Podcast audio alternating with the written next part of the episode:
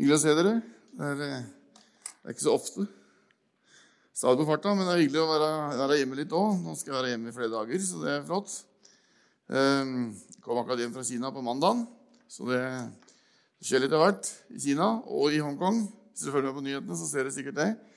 Så det har vært spennende i Hongkong nå. Det strammer, det skjer mer og mer uroligheter og voldeligheter. Og nå, på fredag så knuste de hele T-banestasjonen der vi holder til. og måtte stenge kontorbygget hvor vi, vi holder til også. Så var det så vidt vi fikk kommet inn og henta det vi skulle på, til, til, slutt. Så det er spennende dager. Eh, Stoppa all togtrafikk i, eller T-banetrafikk i Hongkong eh, i flere dager. Og, så det er spennende. Eh, spennende er jo å se hvor lenge det går før Kina sier at nå er det nok. Så kommer de marsjerende inn.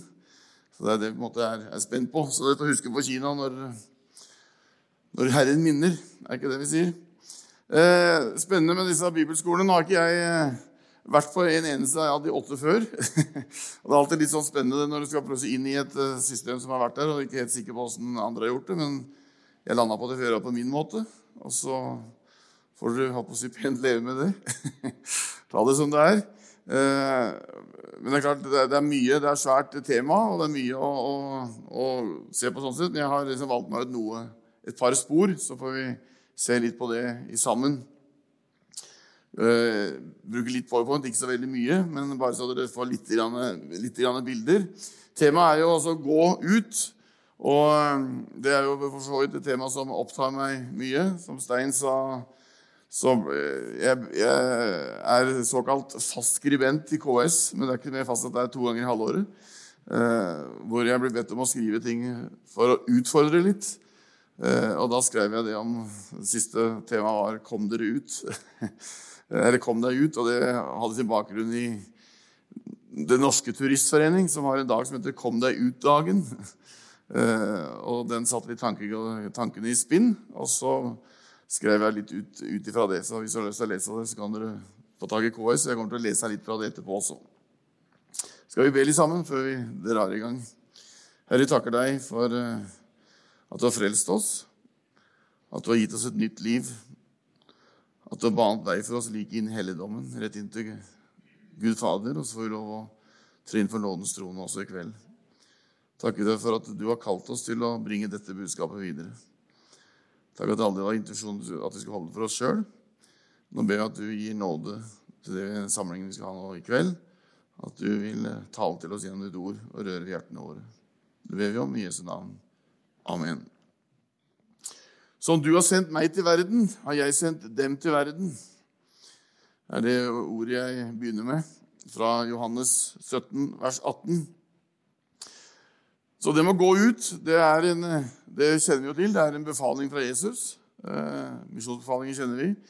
Eh, og det nevnes flere ganger gjennom eh, Nytestamentet og gjennom Jesu taler og gjennom Jesu ord at hans etterfølgere skulle gå og ikke bare på egen eh, forgodtbefinnende, men fordi han har sendt oss. Gud sendte Jesus, og Jesus sendte oss. Det er det enkle, enkle bildet. Så det er en handling eh, fra Jesus' side, en ordre, kan du si, en befaling, eh, at han har sendt ut sine disipler. Eh, og bakgrunnen for utsendelsen ligger jo i det kallet som Jesus har gitt oss. Eh, og da tenker jeg ofte når jeg snakker om, om, om kall, eller, eller kall om, til å gå, så, så, deler jeg det ofte opp i to.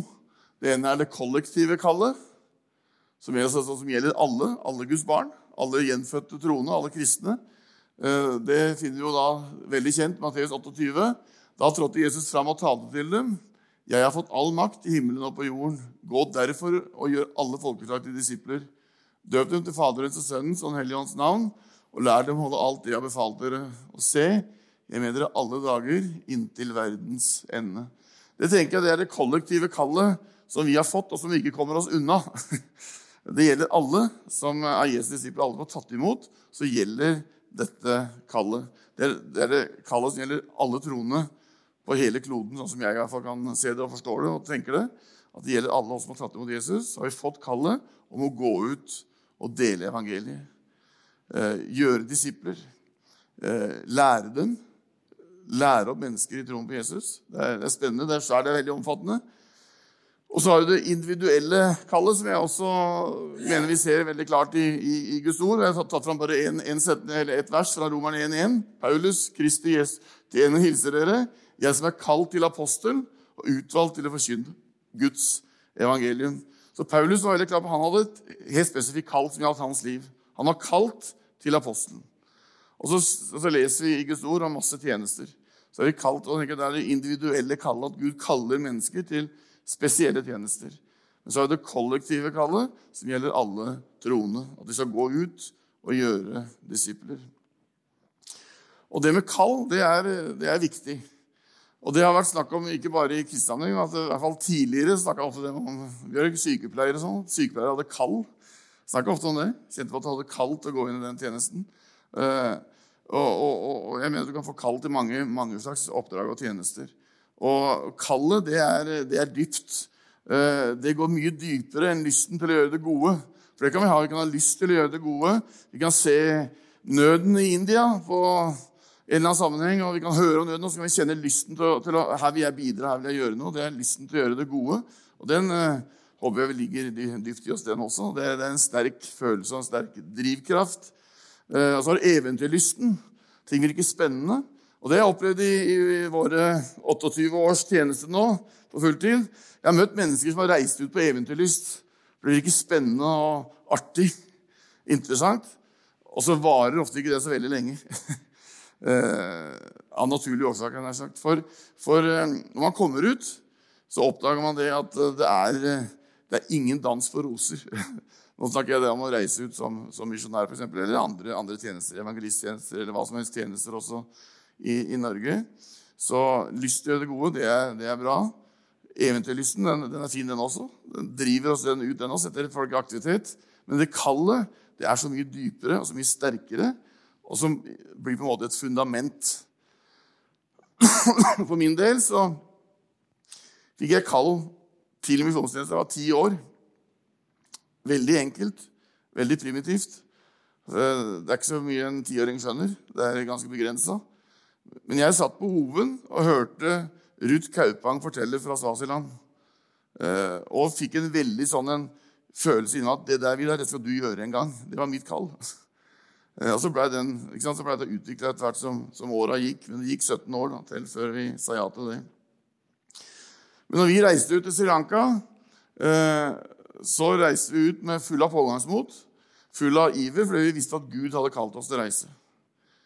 Nå har ikke vi i vår tjeneste sett eh, kart rulle ned på veggen, sånn som Åsan Marie gjorde. Hun så kartet rulle ned, og banda blinke. Det har ikke vi gjort. Eh, men vi har kalt til en spesiell tjeneste, nemlig litteraturtjenesten, med å spre Guds ord gjennom det trykte ord. Men når vi kom til Sri Lanka, så var, var vi fulle av pågangsmot. Vi var 27 år og unge og forholdsvis pene og var klar til innsats. Eh, men så møtte vi hverdagen ganske fort, eh, som var veldig tøff. Eh, masse vanskeligheter. Fysisk masse sykdom. Det var veldig artig, for Vi hadde vært i India noen ganger, Kjersti og jeg. Og Kjersti ble veldig syk i India. Og det visste jo folk om. Vi skulle til Sri Lanka, og da ba alle inderlig til Gud for Kjersti at hun ikke måtte bli syk. Og den bønnen svarte Gud. Men det var få som ba om min helse, tror jeg. For det, det gikk heller dårlig. Jeg ble veldig dårlig, og, og masse sånne ting. Møtte på veldig vanskelige mennesker. Forferdelig vanskelig misjonærmiljø med masse utfordringer. Av mennesker som absolutt ikke burde vært ute. Veldig, veldig tøft. Eh, psykisk, for du, kommer inn i forhold som er helt horrible medmenneskelig sett. Og da hadde ikke vi da hatt kallet som, vi var 100 overbevist om at her har Gud satt oss. Her skal vi være. Og da var det som en klippe i, i, i, den stormen vi sto i da, både med sykdom og med vanskelige relasjoner. Så kjente vi at Gud har satt oss her. Her skal vi være. Og det, det, det, det fulgte, med egentlig gjennom Jeg har fortalt det før her også, da, da, vi, da jeg lå veldig syk i, i Colombo og trodde jeg, trodde jeg skulle dø. Eh, og, og sukka til Gud på natta. Jeg klarte ikke å be, egentlig, men jeg tenkte tanker og tenkte at overlever jeg dette her, så reiser vi hjem. Dette går ikke lenger. Jeg var så sjuk, gikk ned 23 kilo på noen få uker. Det var eh, amøbedysenteri, fant de ut etter hvert. Og hele innvollen var full av små kryp. Eh, så det var moro. Men eh, da tenkte jeg hvis vi, hvis vi overlever dette her, så må vi reise hjem. Og så våkna jeg, og så hadde jeg fått høre også den dagen at du har antagelig spist noe eller drikket noe som gjør at du har fått amøbedysenteri. Og så våkna jeg på natta av et ord som jeg ikke huska at jeg noen gang hadde lest, men det må ha gjort, for det er sånn Guds ord fungerer. Man leser, og så har Den hellige ånd å jobbe med. og Der sto det 2. Mosebok 23-25. Det måtte jeg slå opp siden. Der sto det sånn Dere skal tjene Herren deres Gud. Det var klar melding. Og så fortsatte det sånn. Da vil Han velsigne brødet ditt og vannet ditt, og sykdom vil holde langt borte fra deg. Klarere er vanskelig å få det. Det var en bekreftelse igjen på det kallet vi hadde fått, at Gud har satt oss der. Her skal vi være. Så var jeg så vidt frisk, så var jeg sjuk igjen. Og midt i den sykdomsperioden fikk betennelse i munnen. Så tunga var dobbelt så svær. Eh, det var tørke. Regnet kom ikke. Jeg husker Vi sendte melding hjem. men Det hadde vært eh, uten regn i tre måneder. Vi sendte melding til Ståle, husker jeg, kassereren vår, og tok opp i menigheten og, ba for oss. Og sa nå må du be om regn, ellers så overlever vi ikke. Og Den natta så bare åpna himmelens sluser seg. Og Da kom dette ordet på kvelden. Herren skal åpne sitt velfylte forholdskammer, himmelen for deg. Han skal gi landet regn i rette tid og velsigne alt dine hender gjør. Du skal låne ut til mange folkeslag, men selv trenger du ikke å låne. En bekreftelse at kallet, det er intakt. Som du har sendt meg til verden, har jeg sendt dem til verden. Så kallet, vissheten om at jeg er der Gud har satt meg, det er et vanvittig godt fundament. Og derfor tenker jeg at Det individuelle kallet det er viktig. Gud kaller alle, men Gud kaller også individuelt. Og nå sier jeg ikke at Gud kaller alle til den tjenesten vi har, men forskjellige oppgaver, forskjellige tjenester. Så hvordan sendte Gud, nei, Jesus folket ut, da? I praksis. Han, kom, han kom med noen befalinger, men han, vi, leser i Lukas 10 hvordan Jesus gjorde det helt sånn praktisk. Nå skal vi lese det, det sammen. Lukas evangeliet kapittel 10.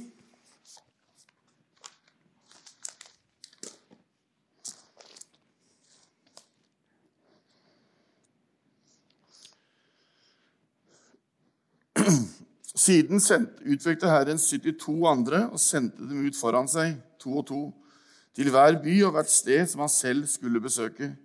Og han sa til dem, høsten er stor, men arbeiderne få. Be derfor høstens herre sende ut arbeidere for å høste inn grøden hans.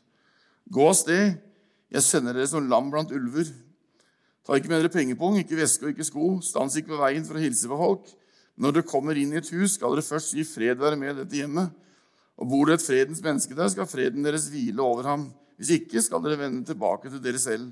Bli boende der i huset og spis og drikk det, det de byr dere. For en arbeider er verdt sin lønn. Flytt ikke fra hus til hus. Og når du kommer inn i en by, og de tar imot dere, så spis det de setter fram for dere. Helbred de syke der, og si Guds rike er kommet nær til dere. Når du kommer inn i en by der de ikke tar imot dere, så gå ut på gaten og si selv støvet vi har fått på føttene i byen deres, kan dere beholde. Vi børster av oss. Men det skal dere vite, Guds rike er kommet nær. Jeg sier dere, på dommens dag skal Sodoma slippe lettere enn den byen. Og så hopper vi til vers 17.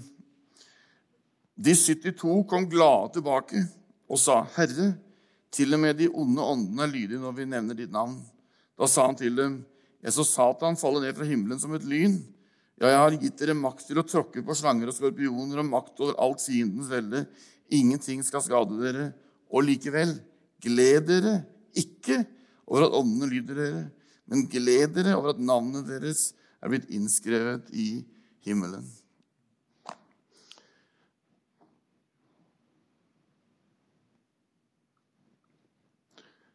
Han sendte dem ut to og to.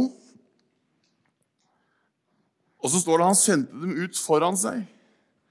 Og så snakker vi om at ja, Jesus har gått før oss, og vi kommer til han til hans etter. Da. Men her sender Jesus dem foran seg. Hvorfor det? Til de stedene hvor han selv skulle komme.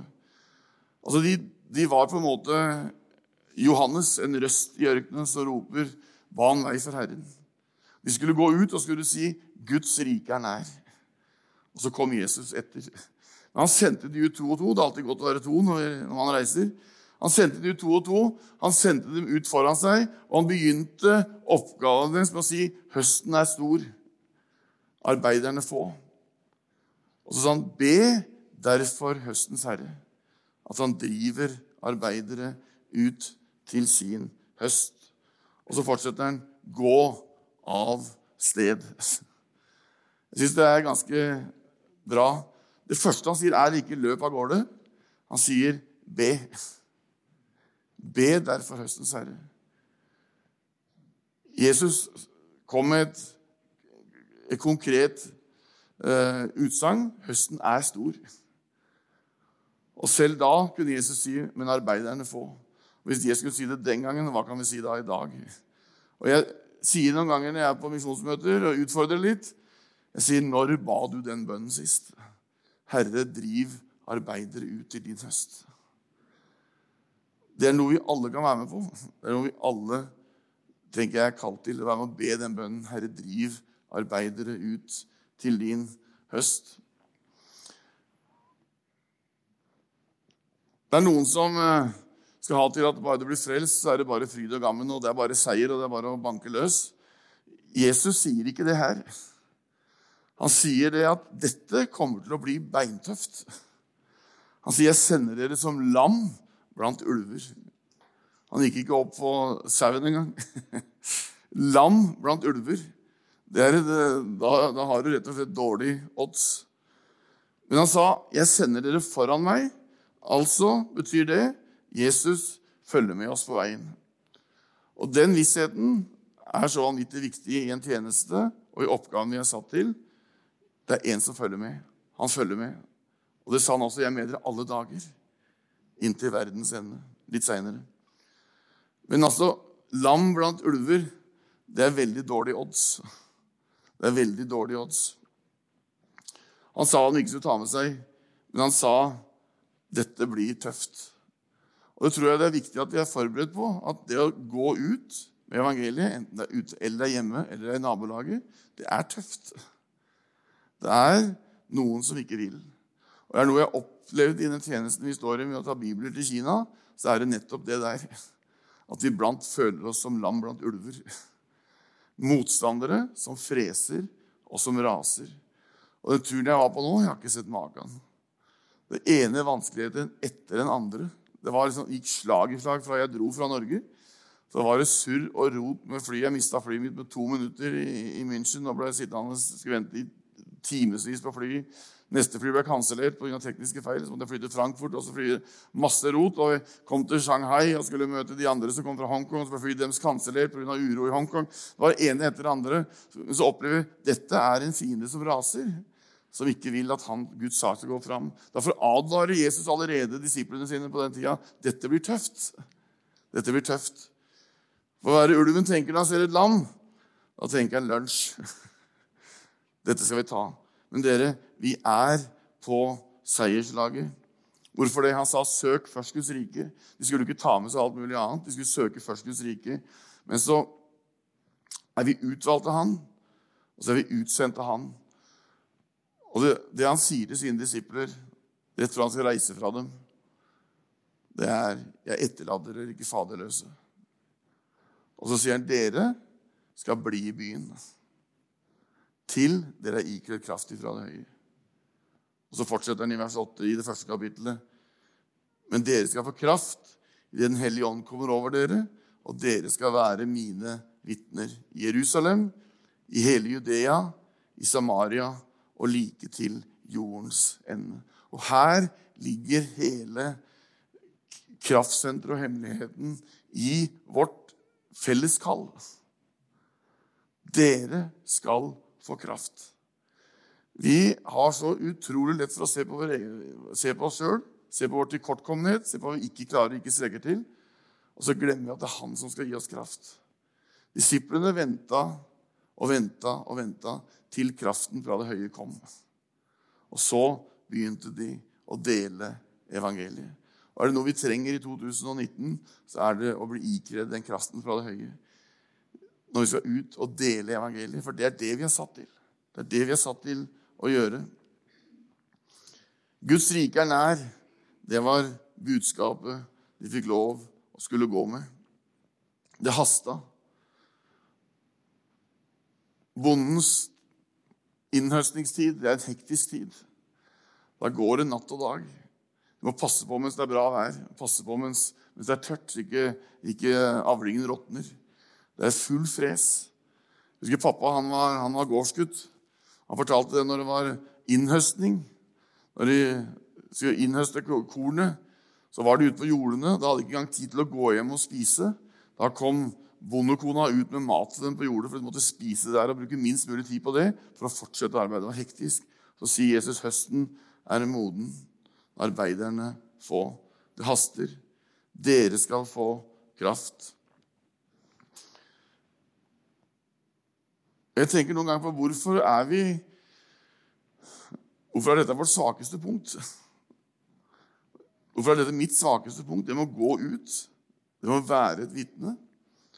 Er det fordi vi ser på oss sjøl? Er det fordi vi har lært at vi ikke er noe?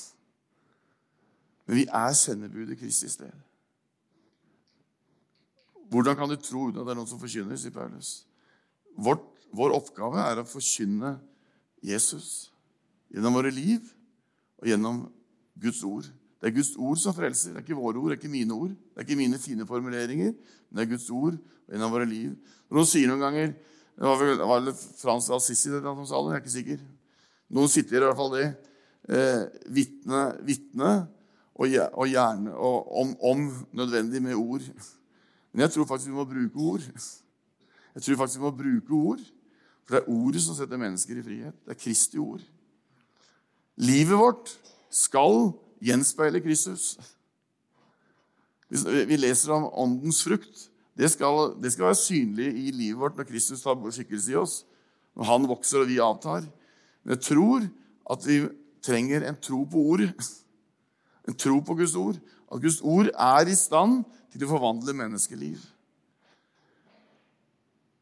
Jeg blir stadig minna på han som kom til Jesus, hvor gutten hans var sjuk. Tjenestegutten var sjuk, så sier han, 'Mester, si du bare ett ord.' Det illustrerer kraften i evangeliet. Og Når vi får oppleve at mennesker går over fra døden til livet, så er det mirakler som skjer, så, så er det gjennom Guds ord. Derfor tenker jeg det er viktig at vi tør å bruke Guds ord. At vi tør å sitere Guds ord. Eh, jeg har fortalt det før, helt sikkert, men vi hadde i Japan en dame på 68 år som ble enke. Eh, som var helt i mørket, helt i bånn. Alt var bare svart. Eh, og så viste det at denne dama hadde gått på søndagsskole fram til, fram til hun var åtte år. Og så etter det hadde ikke hatt noe kontakt med, med kristne. Ingenting. Men når mannen døde og hun var i det dypeste mørket, så kom plutselig et minnevers for henne. Som hun hadde hørt på søndagsskolen. Og det vakte minner fra en tid som var helt totalt glemt. Dukka opp igjen, tok kontakt med kristne og blei frelst. Pga. ett bibelvers som hadde satt seg fast. Det er kraften i evangeliet. Det er kraften i evangeliet. Derfor skal vi ikke se på vi, oss sjøl, hva vi får til, hva vi kjenner på, hva vi føler for. Det er evangeliet som gjør sitt verk. Hvordan kan du tro på en de ikke har hørt om? sier Paulus i Romerne 10. Hvordan kan du tro på en de ikke har hørt om? Og hvordan kan du tro uten at det er noen som forkynner? Forkynnelsen, og, og forkynnelsen kommer ved Kristi ord. Så Guds ord, det er frelsesord. Jesu ord er frelsesord. Men dere skal få kraft når Den hellige ånd kommer over dere, og dere skal være mine vitner i Jerusalem, hele Judea, Samaria og like til jordens ende. Det høres jo, dette, dette er verst vi kjenner godt, men det som er bakgrunnen her, er at de holdt jo til i Jerusalem, mens Samaria, Judea og Samaria var områder de ikke beveget seg inn i. Samaria var jo Vi kjenner jo beretningen om den samaritanske eh, kvinnen. Eh, det var områder de ikke skulle gå inn i. Men Jesus at dere skal gå inn i disse områdene og forkynne evangeliet. Og så tenkte, jeg, tenkte sikkert disiplene, som vi kan tenke noen ganger Nå er jeg lam blant ulver. Går inn i områder som, som jeg vil være i mindretall. Jeg vil være utsatt. Og så tenkte jeg på når Jesus bruker dette bildet Når er lammet trygt? Blant ulvene. Når er lammet trygt? Og det er trygt ved én anledning. det er når hyrden er i nærheten. Når lammet, når fåret er sammen med hyrden, da er det trygt for fienden. Om nettene, når hyrdene er ute på marka, så brenner de bål, og ulvene er redde for lyset. Da stikker de. Tenker, Jo nærmere vi lever Jesus, jo mer beskytta er vi for angrepene utenfra. For det er angrep utenfra. Det kommer vi aldri unna. Vårt Jerusalem, vårt Samaria, vårt Judea, hvor er det? Det kan vi på en måte gjette oss fram til. Men Gud har satt oss akkurat her. Og Jeg har sagt det før mange ganger den tida jeg var her.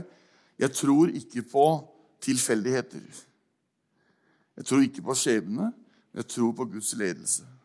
Og jeg tror virkelig at Gud har satt oss der vi bor nå. Der har Gud satt oss. Der har Gud satt oss. For å være lys, og for å være salt, og for å være hans vitner. Og så er det ikke et problem å innrømme at det her kommer jo ofte til kort. Men jeg tror fortsatt at Gud har satt oss der for å være der, for å være hans stedlige representanter i Ankersens vei på Austland. Jeg tror jeg Gud har satt oss. Og jeg tror det er viktig at vi, Når vi tenker på gård, så, så også har vi tenkt på at da skal vi ut som misjonærer. Vi skal ut på, på lange, lange, reiser. Eller vi skal reise rundt i Norge. Men vi, Gud har satt oss i et nærmiljø, han har satt oss i en arbeidsplass, han har satt oss på en studieplass for at vi skal være hans representanter. For i og med at vi er hans barn, vi er Guds barn, så er vi også hans representanter. Vi er sendebud i Kristi sted. Gjennom våre liv skal vi ære Han. Gjennom våre dagligdagse ting skal vi få lov å ære Han.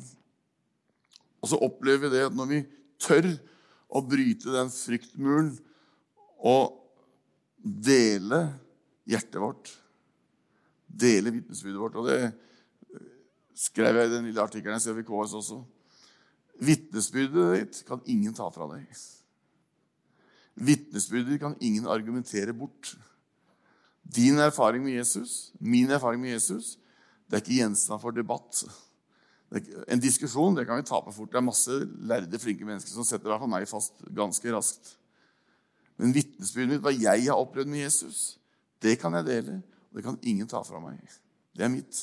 Og det kan vi få lov Og Jeg tror det ofte er med på å åpne menneskehjertet når vi får lov å fortelle hvem Jesus er for meg. Og så får vi lov å bringe evangeliet. Og Vi ser jo det veldig veldig tydelig i Kina. Hvor mennesker ikke kommer til gudstjeneste på søndag fordi de skal bli frelst, men fordi de har blitt frelst i løpet av uka. Gjennom at noen har delt evangeliet. Og hvorfor er det så forskjell? Det er mye jeg tenker på. Hvorfor er det sånn der og ikke her? Hvorfor går situasjonen i Europa så dramatisk ned? Omgås vi ikke-troende? Har du ikke-troende venner? Har jeg? Ja, det er jammen ikke mange. Jeg har mange ikke-troende bekjente. Men venner som jeg omgås, det er Det er tynt. Vi lever, og jeg lever, godt, godt og isolert. Ofte. Men det å få være sammen med mennesker og så er De gangene jeg har fått være vanke litt sammen med ikke-kristne mennesker, så er det ikke gang tror jeg, hvor ikke det har blitt kommentert på at jeg er annerledes i positiv forstand. At det har kommet positive tilbakemeldinger, positive reaksjoner f.eks. at jeg ikke drikker, eller andre, ikke banner. Andre, andre, ting sånn. Så jeg tenker at vi får lov å Vi skal ikke være veldig redd for å være sammen med ikke-kristne mennesker. Men, men der kan vi virkelig få lov å være et lys og være et salt for Jesus. Så ser vi Jesus ba for 2000 år siden sine etterfølgere om å gå ut med evangeliet. Og så spredte evangeliet seg. Først gjennom Europa, og så har det spredt seg rundt hele kloden. Og så har det kommet gjennom til, til, Asia, og så er de på vei igjen for å komme inn mot uh, Israel. Men det skjer dramatiske endringer. Men det skjer altså samtidig store vekkelser og vekst blant de kristne i verden. I Europa så er det 77% av Europas befolkning, altså ca. 520 millioner europeere, er såkalt nominelle kristne. Altså de, de bærer et navn av å være kristen. De bor i et såkalt kristent land. I Norge, Hvis du ser i statistikken i Norge, står det at ca. 80% av Norges befolkning er kristne. Det er fordi de er medlemmer i en statskirke. Men det er i Europa bare 3% evangeliske kristne i dag. Det er ganske dramatisk. Ganske dramatisk. I Danmark, som er bare rett nedi gata her, er det 4,8% kristne. Mens 35% av den danske befolkning tror på reinkarnasjon. Dette har vært dramatisk endring på veldig få år, egentlig. I Tyskland finnes det 3,2% evangeliske kristne. Og Jeg leste en artikkel hvor det ble antydet at det trolig var flere satanistiske prester i Tyskland enn det var evangeliske. Det er ganske dramatisk midt i Europa. I England er det i dag 7% kristne, og protestantene synker, altså evangeliske kristne synker med 1 årlig, men, sekt, men sektene vokser med 8,2% Det finnes 1800 moskeer i Storbritannia i dag. I Belgia er det flere Jehovas vitner enn evangeliske kristne. 0,3% evangeliske kristne. Dette er Europa. Det er ganske dramatisk. I Frankrike er 0,6 Hvor mye tallet dette? 80% av den franske befolkningen har aldri holdt i en bibel. Og bare 5 av Frankrikes befolkning har en. Det er misjonsmark rundt oss på alle kanter. Så lyder fortsatt Jesu befaling 'gå derfor ut'. Eller så nevner en parentes når det gjelder Frankrike. Dere har jo alle dere har hørt om mangabøkene våre. Manga Messias. I Frankrike, hvor altså 5% av folket har holdt i en bibel, og hvor en, en, en bok, kristen bok i Frankrike i sin levetid, altså så lenge den er mulig å få tak i, selger mellom 2000 og 3000 eksemplarer. Mellom 2000 og 3000 eksemplarer selger ei kristen bok i Frankrike. Mens Manga Messias-bøkene har vi, har vi solgt i 397 000 eksemplarer. Pluss 120 000 mangahefter. Så over en halv million mangabøker er spredd i Frankrike og kjøpt av mennesker. Er ikke det fantastisk? Ja? Det er evangeliet. Da vi starta mangaprosjektet Jeg bladde i noen gamle bilder nylig hvor Roald og jeg står og holder den første mangaen, og vi er ganske stolte. Men vi møtte så mye motstand og så mye eh, sinne fra, fra konservative grupper at dette var helt horribelt å bruke manga for å formidle evangeliet. Så har det kanskje vært det redskapet ved siden av Bibelen som har vært det mest suksessfulle vi noen gang har vært borti. Og skare av mennesker. Nå har vi trykt over 12 millioner eksemplarer, og mennesker nås med evangeliet. Gå derfor ut. Han sendte dem foran seg. Altså Jesus følger med oss på veien. Han sa, 'Jeg er med dere alle dager'. Vi har så mange løfter. Vi har så mange løfter. I Spania er det 0,8 kristne, og fram til 1975 var det forbudt ved lov for en spanjol å eie en bibel. Det er ganske spesielt. I Nederland, som var et av de store store misjonslandene, misjonærutsendelseslandene i Europa, sendte ut skare av misjonærer. I 19, år 1900 så var det 61% av den nederlandske befolkningen var evangeliske kristne. I dag er det under 5% igjen. Det var et land som sendte ut misjonærer. Nå er det liberalt med prostitusjon, narkotika, pervers seksualitet. Og Landet er som et rotterace når det gjelder umoral og demoniske krefter og et åndelig mørke. Det har snudd. Men vi er satt her. Vi er satt her som Guds folk til å bringe evangeliet videre. Og vi er i fåtall, men vi er på seierslaget. Hvorfor det? Tilbake til apostelgjerningen 1,8. Dere skal få kraft. Det er ikke i egen kraft. Det er i den kraften han gir oss. Derfor kan vi være frimodige. I Norge har vi også opplevd vanskeligere tider. Og vi har opplevd at kristendommen går ned, respekten for det troende går ned. Men dere, vi er på seierslaget. Og Gud selv gjennom Jesus Kristus sa at vi skulle gå ut. Vi skulle gå. Som du har sendt meg, sender jeg dem. Hvis du, begynner, hvis du tygger litt på den, så er det jo helt fantastisk. Tenk at du og jeg, enkle mennesker fra Drammen og Mjøndalen, er kalt ut til å være hans sendebud.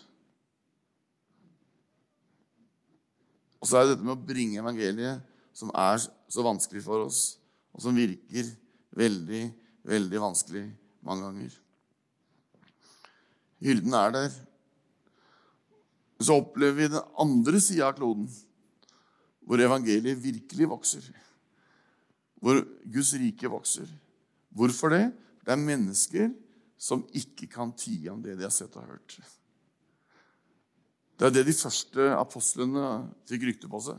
Som de sa også. Peter og Johannes ble formana til å tie stille. Nå må dere stoppe. Vær stille. Så sier de vi kan ikke slutte å fortelle om det vi har sett og hørt. Og det er jo der hemmeligheten ligger, tenker jeg. Hva har du og jeg sett og hørt som gjør at vi ikke kan tie stille med det?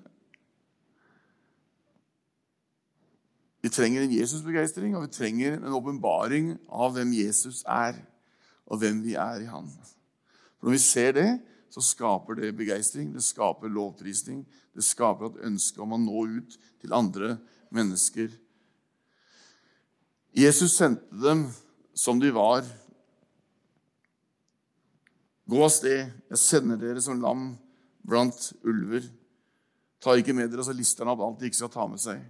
De skulle ikke være bekymra for det daglige. De hadde ett oppgave, det var å dele evangeliet. Gå ut så Guds rike er nær.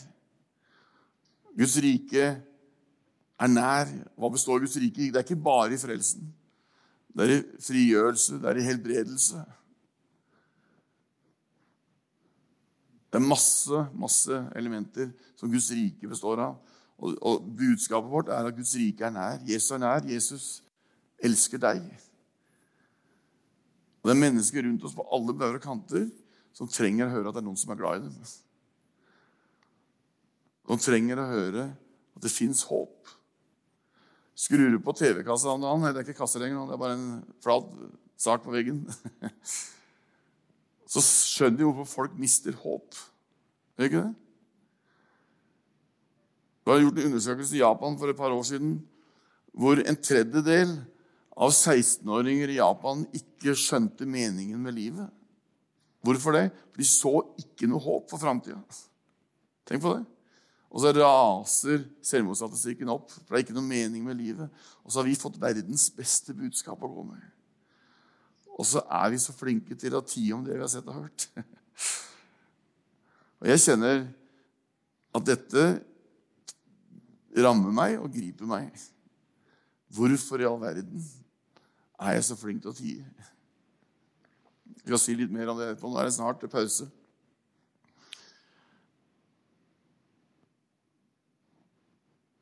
Johannes 1, vers 5. Ingen skal kunne stå seg mot deg alle ditt livs dager. Liksom jeg var Moses, vil jeg være med deg. Jeg vil ikke slippe deg og ikke forlate deg. Dette er generasjonenes løfte. Dette var løftet Josef fikk da Moses var død. Som jeg var med Moses, vil jeg være med deg. Vi har også de som har gått før oss.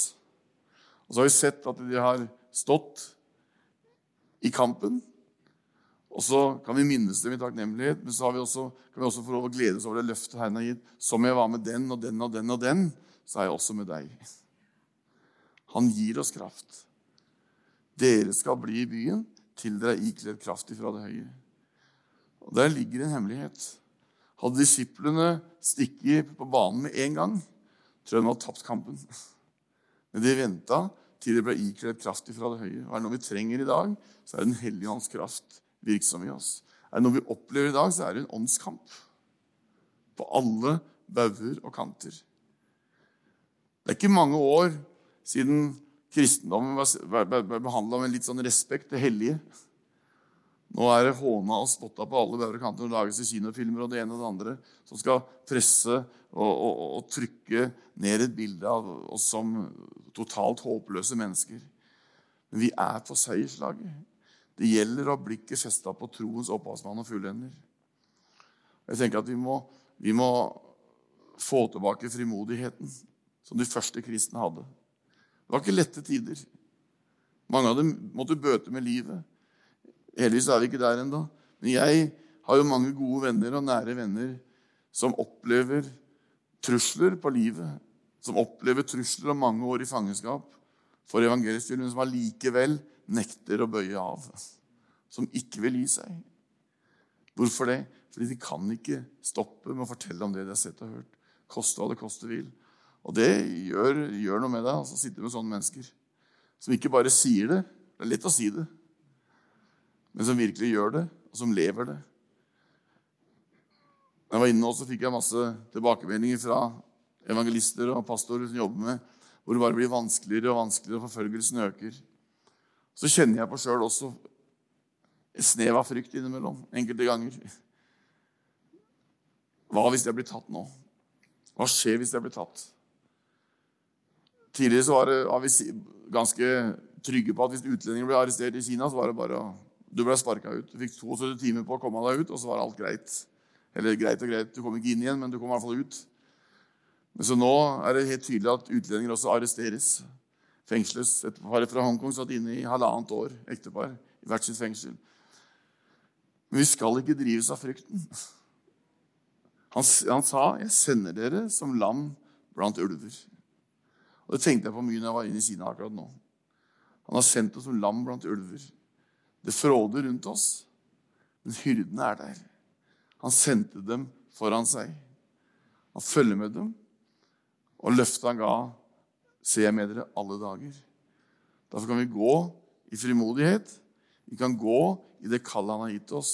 Det individuelle kallet, ja, men også det kollektive kallet som du og jeg, alle Guds barn, har fått.